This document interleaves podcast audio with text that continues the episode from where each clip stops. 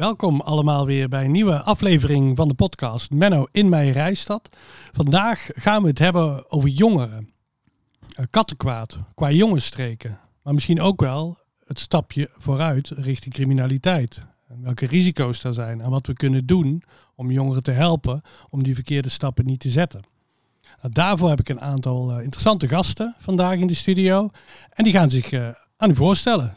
Tegenover mij Hallo, uh, ja, ik ben uh, Willy Verroosmalen. Ik uh, ben opgegroeid in Veghel, dus ik ben al zelf jongere geweest. Ik heb van 87 tot 2002 in Veghel gewerkt. Toen ben ik in Schijndel begonnen in het jongerenwerk en toen werd dat mijn reisstad. Dus eigenlijk ben ik dan ook weer terug. Dus ik, ik werk met jongeren, voor jongeren en samen met heel veel andere mensen natuurlijk. Dus al een lange carrière als, als jongerenwerker in, uh, in onze gemeente. Daar gaan we uh, dadelijk over doorpraten, Willy. schuin tegenover mij een andere gast in de studio. Ik ben Joep van Roosendaal. Sinds 2005 ben ik wijkagent geweest in de gemeente Schijndel.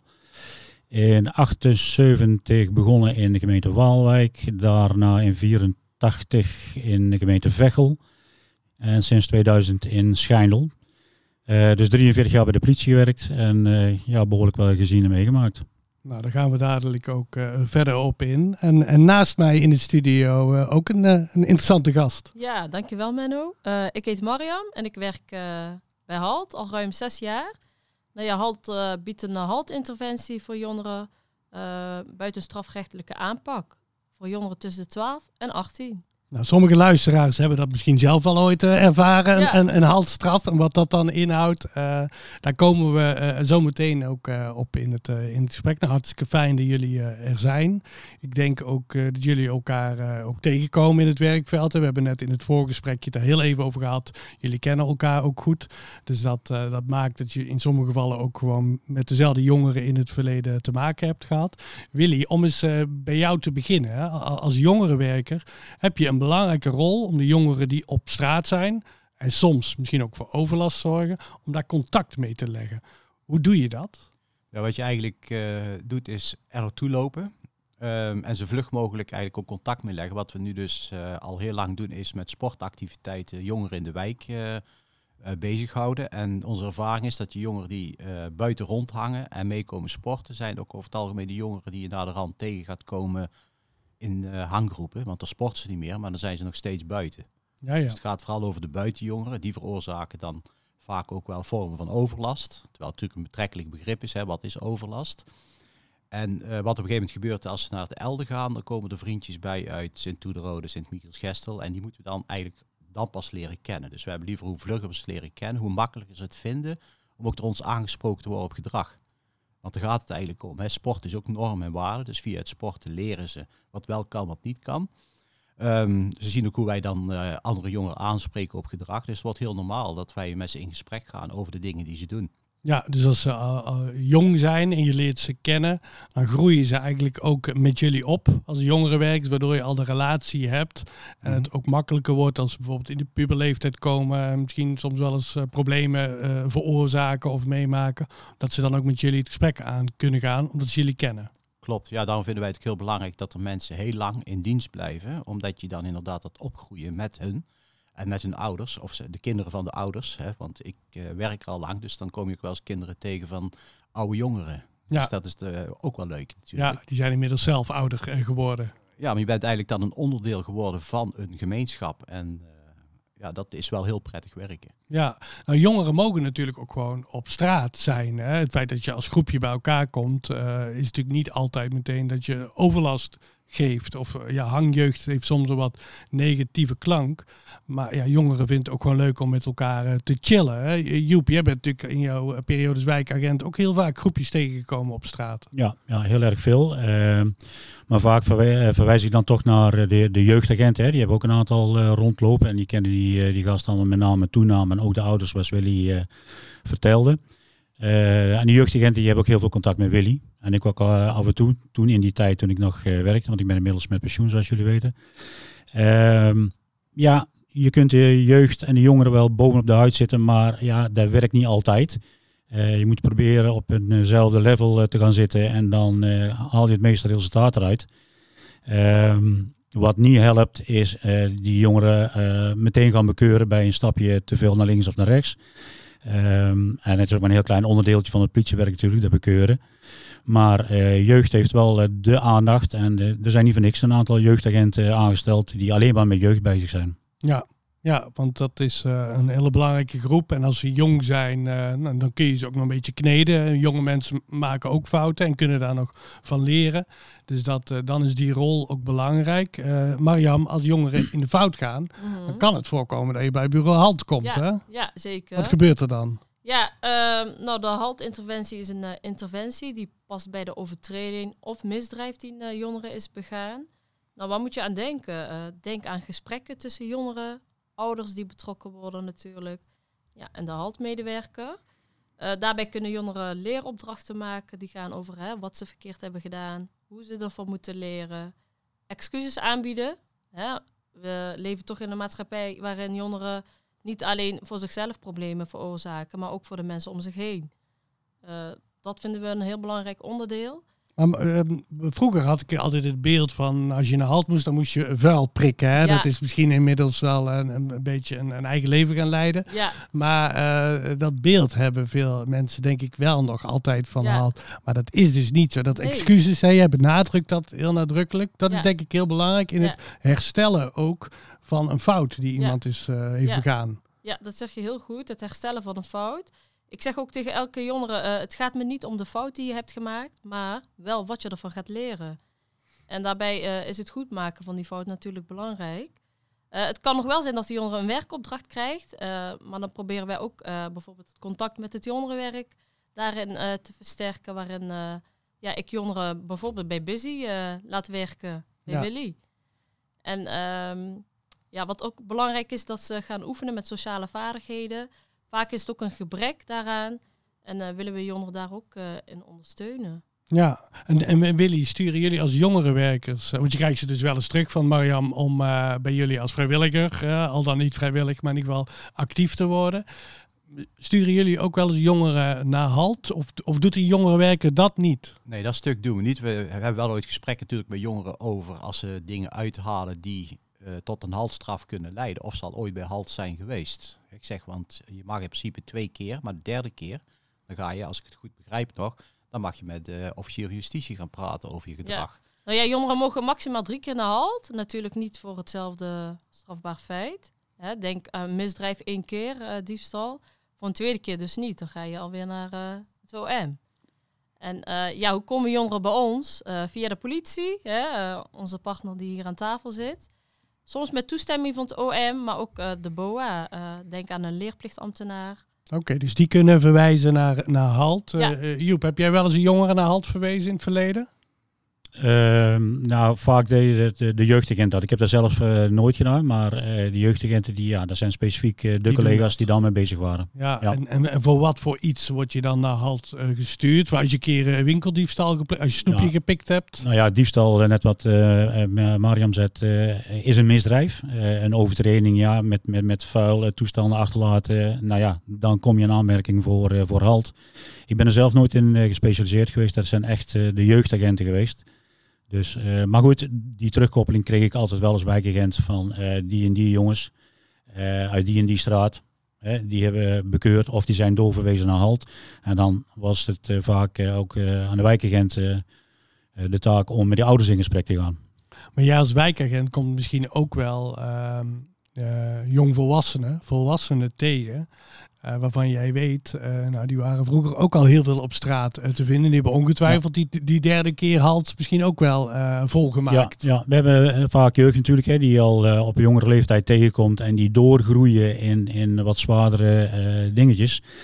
dan is het wel een taak van een wijkagent om die ouders daarin te betrekken en te zeggen van luister eens, jullie Pietje die gaat echt de verkeerde kant op. Hoe gaan we dat aanpakken? En hoe denken jullie daarover? En dat is een heel belangrijk ding zonder hem al, of de Pietje, al gelijk aan te pakken. Maar uh, neem vooral contact op met de ouders, want die zijn in principe verantwoordelijk voor het gedrag van hun zoon ja. en of dochter. En Mariam, hebben jullie ook vanuit HALT veel contact met de ouders? Ja, ja we hebben bij uh, elk startgesprek, uh, zo noemen we het eerste gesprek, ja, nemen ouders ook deel aan het gesprek.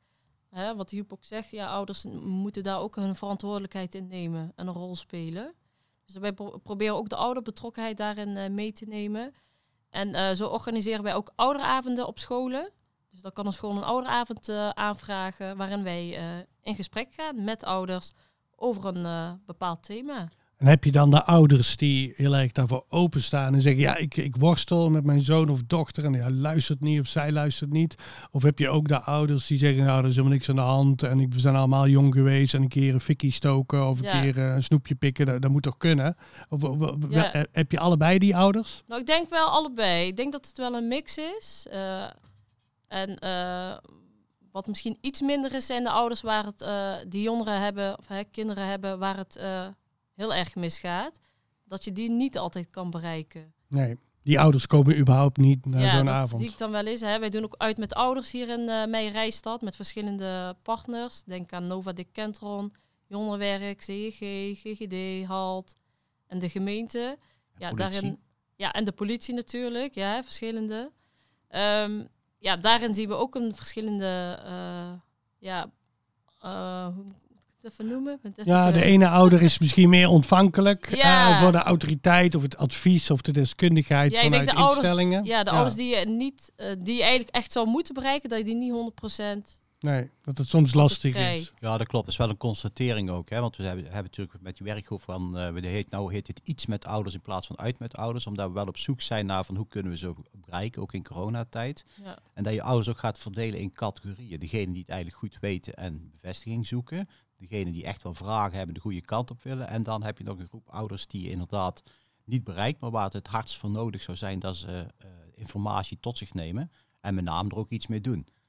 Want ik weet wel, op een gegeven moment hadden we ook zo'n een voorlichting en er zat een mevrouw aan de, aan de bar. En dat was nog bij uh, Lunenburg, dus dat is al een hele tijd geleden. En uh, die zei, nou, ik heb vroeger zoveel gedronken en hier zit ik dan. En toen zei dus een van de begeleiders, die zei van, maar mevrouw, u zult nooit weten wie u zou zijn geweest zonder alcohol. Het was echt helemaal stil. Hè? Maar dat zijn dan van die opmerkingen die iemand tot het denken zetten. Want alcohol beïnvloedt de ontwikkeling van je hersenen. Het is niet voor niks natuurlijk dat wij dit soort activiteiten doen. Want het kan echt verkeerd uitpakken. Ja, en je hebt om, om je jongeren op het goede pad te houden of te krijgen, wel echt de hulp nodig van, uh, van ouders. Uh. daar, wil, wil, ik er wel iets over zeggen, want de ouders, er zijn heel verschillende categorieën natuurlijk. Hè. Sommigen die, uh, die zeggen van ons Pietje, ja, dat doen onze jongen niet. En een andere uh, zie je al aan, de, aan die uh, betrokkenen kind van, oh jee, die heeft zijn broek al nat, omdat de politie naar uh, de ouders toe gaat. en dan wordt er opvoedkundig goed opgepakt. Maar daar zit wel een verschil in. Zit er dan ook schaamte in of ontkenning of, of het niet, echt niet zien? Nou, dus, dat zijn vaak jeugd die de schreef overgegaan zijn en denken van, oh shit, wat heb ik nooit al gedaan? En dan moeten ze de consequenties maar afwachten thuis. En dan uh, is het opvoedkundig. Uh, uh, hoe moet dat opgelost worden thuis? En dan ja, heel veel voorbeelden. Dat ik zeg van nou, die doen het prima. Dan hoeft de politie of, of een jongerenorganisatie niks meer aan te doen. Ja. En, en Mariam, je hebt natuurlijk heel veel jongeren gesproken hè, door de jaren heen. Zitten daar ook jongeren bij waarvan jij al heel snel het gevoel had, ja, hier maak ik me echt zorgen over. Die, als ik die over tien jaar weer tegenkom, ehm, ja, is hij misschien wel echt het verkeerde pad op gegaan. En misschien is dat ook wel gebeurd. Ja, nou ja, wij doen natuurlijk ook een uh, stukje signalering. En uh, ja, waar ik me dan zorgen over maak, is de problematiek achter hè, de reden waarom een jongere uh, doet of heeft gedaan wat hij heeft gedaan. Um, dus vooral dat stukje waar ik me dan wel zorgen over maak. Maar gelukkig ja, is het in deze gemeente, heb ik korte lijntjes met zorginstellingen. Ehm, bijvoorbeeld uh, Veilig Thuis, waarin ik bijvoorbeeld ook kan overgaan tot het doen van een zorgmelding. Als ik hele grote zorgen heb. Uh, ik denk dat we daarin samen uh, ja, belangrijke partners voor elkaar zijn. Hè? HALT is een aparte organisatie, maar je werkt zoveel samen waarin je dus elkaar wel ondersteunt. Ja, je hebt elkaar nodig. Ja, en ja, we doen de HALT-interventie natuurlijk niet zonder reden. we willen de kans geven om te leren. En ja, de jongeren zijn toch de toekomst, hè? Ja. Dus uh, daarom vind ik het ook heel belangrijk en mooi om dit werk te doen en uh, daar een bijdrage aan te leveren. Ja, en, en, en Willy, jongeren onder elkaar creëert ook bepaalde groepsdruk. Ja. Zie je dat dat ook soms leidt tot, ja, tot het verschuiven van groepsgedrag van, van qua jongens naar echt crimineel gedrag? Nou, we hebben het wel gezien in het verleden. Dus uh, toen hadden we echt wel een groep die behoorlijk wat overlast veroorzaakte en ook begon af te glijden richting criminaliteit. Toen hebben we ook in samenwerking met HALT, was, uh, die hadden al een project dat heette Flashback. En wij hadden eigenlijk wel zelf al de intake met jongeren gedaan, want we hadden zoiets moeten weten wat er aan de hand is. Wat is met hun aan de hand? wie, dus eigenlijk ook heel die groep hebben we geanalyseerd samen met die jongeren. Toen hebben we contact met HALT gehad en toen hebben we het hele project Flashback genoemd. In Flashback krijgen die jongeren ook een film te zien waarin er keuzemomenten zijn. En um, dat is dan heel belangrijk, want de jongeren hebben het idee van dat ze een, een, een, doorlopende lijn maken. Maar je hebt allerlei momenten waarop je kunt kiezen. Doe ik wel mee, doe ik niet mee. Dus dat was een onderdeel. En uh, destijds was Eus Witloks, die werkte nog in de gevangenis. En die heeft toen voor elkaar gekregen bij een vucht met een groep jongeren. we hadden met 23 begonnen, met 17 zijn we gegaan. Dat we daar ook in de gevangenis met veel plegers mochten uh, praten. Dus er zaten twee uh, mannen, 30 jaar, uh, groot deel van hun leven in de gevangenis gezeten. En die hadden dus twee jaar gevangenisstraf. En een onderdeel van hun straf was ook dat ze met groepen jongeren in gesprek gingen. En na de rand hebben natuurlijk met al die jongeren wel gesproken. En dat heeft op hun de meeste indruk gemaakt. Maar we moesten echt ingrijpen. Toen hebben we hard ingegrepen. En heeft ook echt effect gehad. Die groep is helemaal uit elkaar gevallen. Twee jongeren ervan zijn in de gevangenis terechtgekomen. Dus we hadden toch wel ingeschat, hier zit wel uh, iets wat extra aandacht moet. Maar de andere jongeren, die zijn uh, eigenlijk allemaal hebben de juiste keuzes gemaakt. We hebben op een gegeven moment een, een gedeelte van die groep bij ons een activiteit. We hadden ze gevraagd, mogen we bij jullie een activiteit draaien? Dus die, die hadden op allerlei manieren waar ze wel verder gaan met hun leven, maar niet meer als uh, in die grote groep. Niet meer als hele groep. En een groot deel is dus uh, ook wel weer goed terechtgekomen. Ja. Maar niet iedereen. Hè. Soms zijn jongeren misschien daarin ook niet te redden. Hè. Daar kunnen we misschien ook als, als politie, als overheid ook niet altijd in slagen, Joep. Jij hebt je ook wel eens heel erg ontfermd over uh, ja. een jong volwassene. Over, ja. over iemand die, die echt de verkeerde kant op draaide. Ja, dat was een, een jongen uh, die, die zwaar verslaafd was aan verdovende middelen. Die uh, had een jaar in de gevangenis gezeten. op het moment dat hij vrij kwam, heb ik hem naar het bureau laten komen en hem gezegd van nou, ik wil jou adopteren, met een heel groot woord. Ehm, maar het moet wel van twee kanten komen, ook van jou en van mij. Ik ga elke dag, elke morgen als ik in dienst kom, kijk ik het uh, dagrapport na, komt jouw naam daarin voor, dan ben ik klaar met jou. Uh, ik heb ook de ouders in betrokken, die waren er heel blij mee. Uh, hij stond er helemaal open voor. Ik heb hem naar de sociale dienst gestuurd voor een uitkering. die kreeg je niet, dus hij kwam gelijk terug naar het bureau van Joep. Ja, het, het gaat niet, je krijgt niks. Heb ik gebeld met de sociale dienst en uitgelegd wat adoptieplan betekende. Hij kon gelijk terugkomen en kreeg een uitkering, heel miniem, maar toch. Hij kon vooruit. Uh, een deurwaarder die had nog een schuld uh, voor hem van 25.000 gulden toen. Um, ook die gebeld en die gaf aan van nou, een heel leuk plan. Uh, maar laat hem eerst maar zien dat hij terug wil betalen. Gemotiveerd hem om, om 100 gulden per maand extra af te lossen en te laten zien dat hij een goede terugbetaler was. Nou, en achteraf is gebleken, dat hebben ze hem 12.000 gulden kwijtgescholden. Dat was een schuld bij de woningbouwvereniging en die deurwaarder moest hij innen. Daarbij heb ik hem geholpen met uh, werk. Hij wilde graag gaan werken. Uh, arbeidsbureau gebeld. Hij kon aan de slag op het industrieterrein hier in Veghel. Hij groeide door, cursussen gevolgd. Um, de hormonen begonnen weer te werken. Hij kreeg een vriendin. Twee kindjes heeft hij op dit moment. En hij heeft een leidinggevende functie.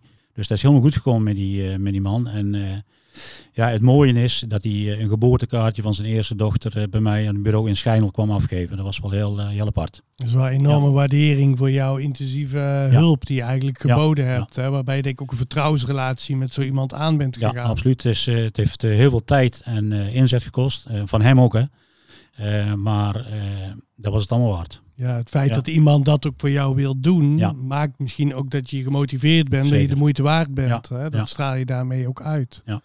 En, en Mariam, zien jullie ook uh, aan, aan, de, aan de misdaden uh, of de, de vergrijpen, hoe je dat dan ook noemt, hè, waar, mhm. waarmee je naar halt verwezen wordt, dat, uh, dat, dat dat erger wordt in de laatste jaren. Want er wordt wel eens gezegd, de samenleving verhardt en, en uh, drugs uh, komen steeds meer voor, al op jonge leeftijd. Zie je dat terug? Of kom je dan niet eens bij halt als je met drugs in aanraking komt? Ehm, nou, dat kan wel. Alleen dan moet er toestemming vanuit het OM gegeven worden. Maar ja, bij halt komen echt lichte strafbare feiten. Denk aan baldadigheid, verboden toegang, winkeldiefstal, schoolverzuim.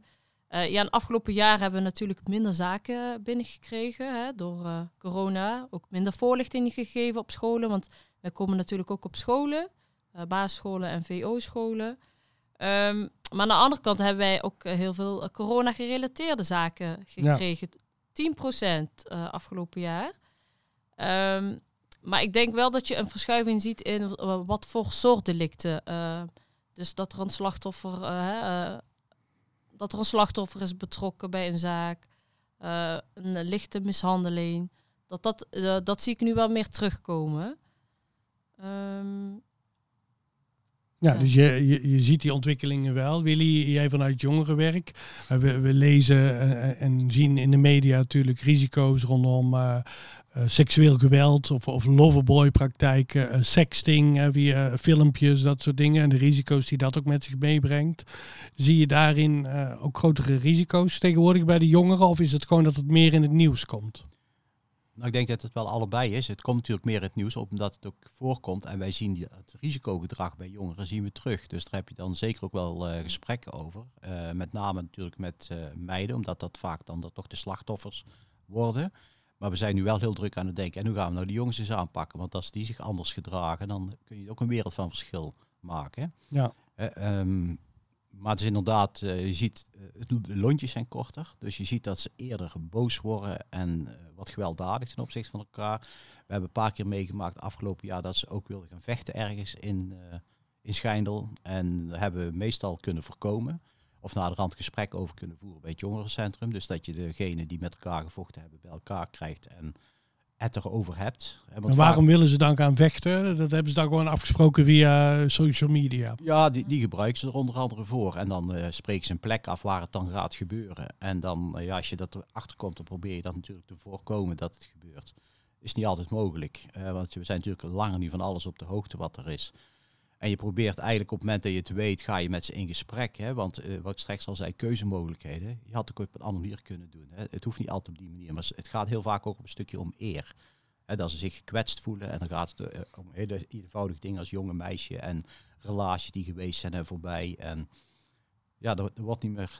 Tenminste bij de groep die we tegenkomen, wordt er niet alles meer echt uitgesproken. Nee, zijn dat dan ook die sociale vaardigheden, Marjam, die je straks bedoelde, die je jongeren ook wat mee willen helpen? Van hoe ga je nou om met teleurstelling, met afwijzing, met verdriet? Of... Ja, en hoe kun je dingen ook op een uh, normale manier bespreekbaar maken? Ja, maar ze zijn ook vrij jong en dan merk je eigenlijk ja. van uh, dat je ze gewoon moet helpen. We zijn ook voor een stuk voeden wij mee op. Je hebt ook ja. natuurlijk hebben wij met kinderen te maken waar uh, vader of moeder niet meer op de gewone manier aanwezig zijn. De ouders ook worstelen met hoe moet ik nou opvoeden voor bij een echtscheidingssituatie. Dat is lastig. Um, maken ze ook niet altijd de juiste keuzes in ouders. Um, het overkomt ze ook voor een deel. Dus het is eigenlijk wel, ook voor ouders is het lastig. En wij proberen dan mee te helpen. Natuurlijk gewoon met toch een stukje uh, ook wel opvoeden. Want daar gaat het eigenlijk uh, ook om. En uh, je probeert ouders erbij te betrekken waar het kan. Maar de jongeren hebben ook ooit behoefte aan om zonder dat de ouders iets weten, toch over hun problemen te praten. Dus, en, en daar is dus een, zijn al van die keuzes die je moet maken van wanneer betrek je wel ouders en wanneer niet. Um, uiteindelijk zijn die wel heel belangrijk, die ouders. Dus je probeert je waar het ook kan mee te laten doen bij het gedrag van hun kind om daar weer te verbeteren. Ja, maar soms is het fijn als uh, iets niet met de andere jongeren of met de ouders besproken wordt, maar dan kan je als jongerenwerker een soort oudere neef of oudere nichtrol misschien pakken ten opzichte van een jongere waarin ze wel de onderwerpen kunnen bespreken die hen aan het hart liggen, maar waarbij ze zich misschien minder kwetsbaar tonen aan hun groepsgenoten of richting hun ouders. Ja, en dan zie je dus dat ze kiezen zelf bij welke jongeren ze bijvoorbeeld in gesprek gaan. Hè, waar ze dan een, een klik hebben of waar ze denken iets mee te kunnen bereiken. En um, zolang het klein blijft, dan kun je het ook zelf met die jongeren bespreken en helpen dat ze in de toekomst een goede keuze maken. Maar soms moet je wel doorschakelen. En ja, de collega's van het basisteam, die zitten bij ons een deur verder. Dus ook schakel je wel eens daarmee van uh, hoe je dingen kunt aanpakken. Dus we hebben eigenlijk wel best wel sparringpartners waar je het kunt hebben over het gedrag van, van jongeren en uh, wat zou nou het slimst zijn om te doen. Ja. Maar het vertrouwen, dat is heel belangrijk. Dus jongeren vertellen ons dingen dat ze nog niet willen dat hun ouders of vrienden of wie dan ook het weten. Omdat ze zelf ook nog worstelen. Want wat ze vandaag denken, denken ze misschien morgen niet meer. Ja, en dat vertrouwen dat wil je ook niet verspelen, want daarmee verspil je de hele relatie die je hebt met die jongeren. Dat klopt. En dan vinden wij ook de rol van het jongerenwerk is, wij doen allemaal dingen die anderen niet doen of niet mogen. En die kunnen wij dus wel ja, flexibel omgaan met uh, wat er aan de hand is. Ja. Maar we vergeten echt niet dat er een wereld om die jongeren heen is. Want we hebben nu bijvoorbeeld met het Eldo College hebben we best wel stappen gezet om daar op school aanwezig te zijn. Dus we hebben dan al, uh, eens kijken, twee keer twee uur dat we vast op school zijn. En daarnaast zijn er nog andere momenten waar we dan op school rond kunnen lopen. En die bereidheid wordt steeds groter. Maar we zijn samen aan het zoeken naar wat gaat nou werken. Ja, samenwerking met scholen is denk ik sowieso belangrijk. Hè? Uh, Mariam vertelt dat ook vanuit uh, HALT. Je, hebben politieagenten ook een, een, een, connectie met het onderwijs? Nou, niet alleen met het onderwijs, maar uh, uh, wat heel belangrijk is, en dat vond ik een van de mooiste overleggen in mijn politietijden, is het sociaal netwerk. Daar zit onder andere jongerenwerk in, jeugdzorg, maatschappelijk werk, de woningbouwvereniging, de gemeente, de politie, et cetera. Eén keer in de zes weken kwamen we dan bij elkaar. En dan werd er vergaderd en dat vond ik echt een van de mooiste overleggen. Had ik een, een, probleem in de wijk via een collega gekregen van God, die denkt, nou, dat, dat moet iets voor jeugdzorg zijn of dat is iets voor maatschappelijk werk. Dan leg je dat op het bordje in die vergadering bij maatschappelijk werk. En binnen zes weken werd er verwacht dat er een terugkoppeling kwam. Wat heb jij eraan gedaan? En dat werkte perfect. En daar hebben we hele mooie resultaten mee gehad. Ja, ja dan heb je korte lijnen als professionals onder elkaar. En dan helpt het ook als daar bij wijze van iedere keer dezelfde mensen aan tafel zitten. Precies. Waardoor je ook langjarig met elkaar kan samenwerken. En tussendoor uh, uh, heel korte lijntjes met uh, per mail, per telefoontje. En ja, dan konden we gewoon werken aan een, een verbeterpunt naar een, een bepaalde casus. Ja. En dat werkte perfect. En Joep, als wijkagent was je denk ik ook wel bezig met de drugscriminaliteit, hè, die hier in Brabant best wel aanwezig is. Hè. Volgens mij ja. uh, hoeven we daar niet te ontkennen dat dat uh, aan de hand is. Jongeren, waar wij het nu ook over hebben, natuurlijk, kunnen natuurlijk best kwetsbaar zijn om, om voor het karretje gespannen uh, te worden van, van verkeerde criminelen. Ja, nou ja, als we die signalen kregen en, en het zijn jongeren onder de 18, nou goed, dan, dan is het gewoon standaard dat we de ouders erbij betrekken. Van, weet jij dat? En dan uh, kunnen we daar iets mee. Zijn ze wel ouder, dan wordt het een ander verhaal. Maar dan kun je ze persoonlijk aanspreken. En dan kun je ook uh, partners uh, aanspreken van God. heb jij nog een, een, bepaalde modus om daar iets in te kunnen betekenen? En ook daarin hebben we hele goede resultaten kunnen bereiken. Ja. want waar kunnen ouders nou op letten? Ik sprak een tijd geleden in jongeren en, en die zei ook tegen mij van ja, als jouw kind uh, schoenen van 400 euro heeft of die heeft uh, dure horloges of een jas en, en ja, dan verdient hij niet bij vakken vullen met de Jumbo nee. terwijl hij ook naar school gaat. Nee. Dan, dan moeten ouders dat ook kunnen zien. Ja, nou ja goed, de ouders die kun je ook uh, voorlichten hè, en ook zeggen van het, het, gedrag van een kind, maar dat merken ze zelf wel, is heel anders als ze aan de verdovende middelen zitten dan uh, een, een, kind die gewoon netjes naar school gaat en noem maar op. Uh, maar hebben ze dure spullen, ja, dan moet een ouder dat opmerken. En dan moeten ze vragen gaan stellen. Uh, is het niet aan de jongere, aan de zoon of de, of de dochter, maar leg het dan eens bij een professioneel iemand neer. Van, ik vermoed dat. Ja. En dan kunnen wij daar mogelijk iets mee doen. Ja, want, want het risico is denk ik best aanwezig. Willy, zie, zie jij dat ook? Dat, uh, ja, dat, dat er soms ook wel aan jongeren getrokken wordt. En we horen natuurlijk in, in de Randstad de verhalen, zeker in Amsterdam, Rotterdam. Maar ja, dat, dat zal hier misschien ook wel uh, gebeuren. Ja, in die mate zien we het niet heel duidelijk. Maar natuurlijk heb je er wel af en toe wel vermoedens. Um, maar je hebt ook wel soort jongeren die geen werk hebben. En die denken dan over na om te gaan dealen. En heeft collega Stan van mij heeft met die jongen een gesprek gehad erover en voorgehouden wat allemaal mogelijke consequenties zijn als je dat ging doen. En die jongen die heeft ervan, heeft ervan afgezien. Die had zoiets van, ja, maar dat wil ik allemaal niet op mijn geweten hebben. Dus het is ook van, je hebt ook jongeren die gaan bijvoorbeeld naar een bos, die gaan halen voor andere jongeren. Dus die halen dan 5, 6, net was een dan memo krijgen, geloof 15 gram maximaal, maar dat, dat weet ik niet. En die gaan dan voor vrienden halen. Maar dan kunnen ze op een gegeven moment ook achterkomen van, hé, hey, misschien kan ik wat meer halen en wat meer regelen. Dus uh, het risico ligt er gewoon door hun gedrag. Ze willen aardig zijn voor hun vrienden, maar dan kunnen ze ook dingen ontdekken. Dus het is eigenlijk van, je, je moet eigenlijk in gesprek blijven met jongeren, dingen die je ziet uh, bespreekbaar maken.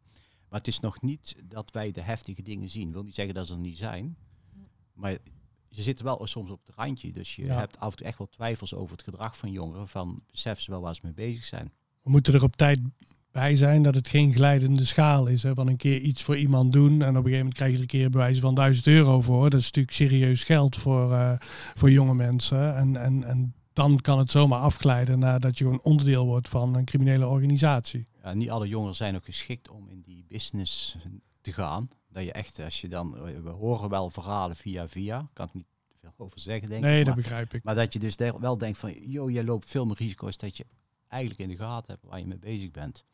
En zo is het natuurlijk ook met uh, iedereen die gebruikt, komt in aanraking met mensen die uh, op het randje kunnen zitten. En we zien dus de verschuiving wel nog steeds jongere leeftijd, zwaardere middelen. Dat je echt denkt van, daar waren wij vroeger, toen ik jong was, echt niet mee bezig. En maar heel weinig mensen in mijn omgeving. Want toen, toen ik jong was, waren er een stuk of drie, vier die ik dan regelmatig tegenkwam, die al aan de harddruk zaten. En de rest was blowen of dat soort dingen, of alcohol.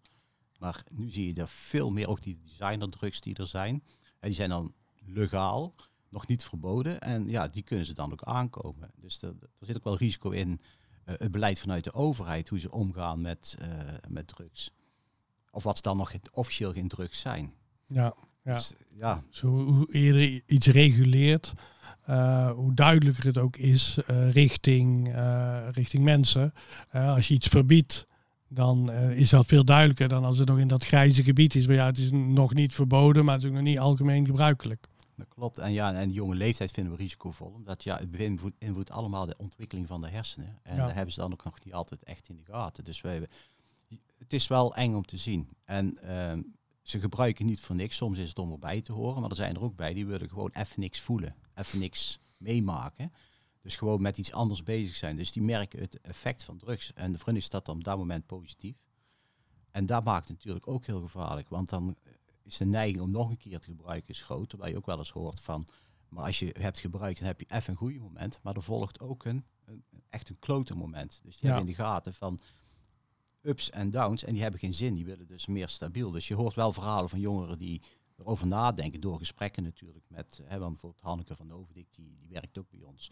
En die heeft natuurlijk ook gesprekken tijdens het meidenwerk, wat ze ook doet, met jongeren erover. En je moet erover praten en niet veroordelen, hè, want dat doet toch iedereen al. En dat bedoel ik ook met de rol van het is wij veroordelen niet. Je gaat in gesprek en je hebt het over consequenties en mogelijke gevolgen.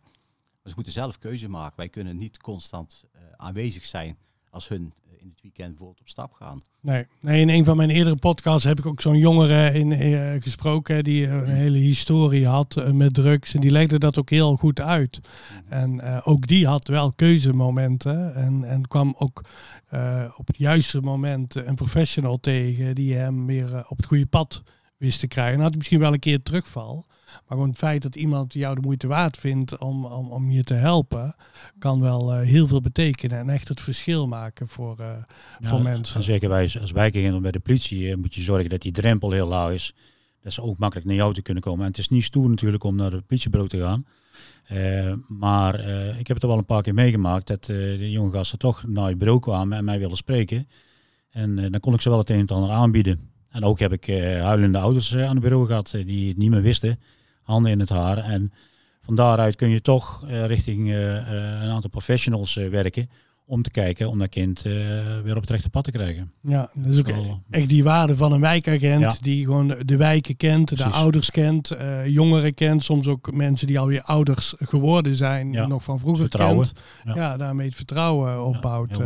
echt een pleidooi voor die wijkagent die geworteld is in die samenleving. Nou, zo een was jij natuurlijk ook. Ja. Het was op een gegeven moment wel in de gevangenis, toen we daar waren, zaten dan die twee veelplegers en wij waren dus met die jongeren daar naartoe gegaan om te voorkomen dat ze op die plek terecht zouden komen. En een van die uh, mannen, want die was al 30, die zei ook van ik wou dat in mijn jeugd hm.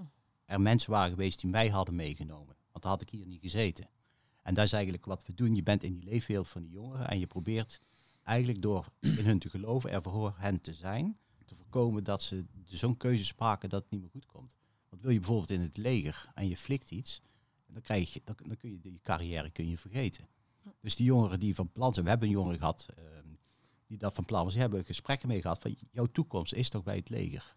En die zorgde ervoor dat je niet meer in situaties terecht kwam, waardoor hij dus in de problemen kon komen en inderdaad dat toekomstbeeld uh, naar de kloten zou gaan. Ja, ja. Ik denk dat we daarom ook wel een mooie aanvulling zijn op elkaar. Hè? We proberen al die jongeren ja. te wijzen op, hey, let op jouw keuzes, want dat het heeft een gevolg. Een gevolg kan bijvoorbeeld zijn een strafblad als je bij het OM terechtkomt. En uh, ja, jongeren zijn geholpen bij een tijdige en uh, pedagogische begrenzing. En ik denk dat we dat samen als partij ja, een goede bijdrage aan kunnen leveren. Ja, het is best een stevig onderwerp waar we het vandaag over gehad hebben. En we willen graag dat het goed gaat met onze jongeren. En gelukkig gaat het met verreweg de meeste jongeren ook gewoon goed. Hè. Laten we dat ook met elkaar uh, constateren. Dat het niet allemaal kommer en kwel is. En niet iedere jongere op weg is naar de criminaliteit. Want zo is het zeker niet. Maar je hebt, en, en die kennen jullie ook vanuit jullie werk, uh, allemaal net die paar jongeren waar je dan de meeste zorgen om hebt. En als het lukt om, om die toch binnenboord te houden, ja, dat maakt denk ik je, je werk zo bijzonder en, en zo mooi ook, toch? heeft heel veel uh, voldoening. En daar ben ik ook al blij dat we ook uh, ja, de partners hebben waar we naartoe kunnen. Als het mij niet lukt, dan lukt het Willy misschien wel of Mariam en, en andere uh, mensen.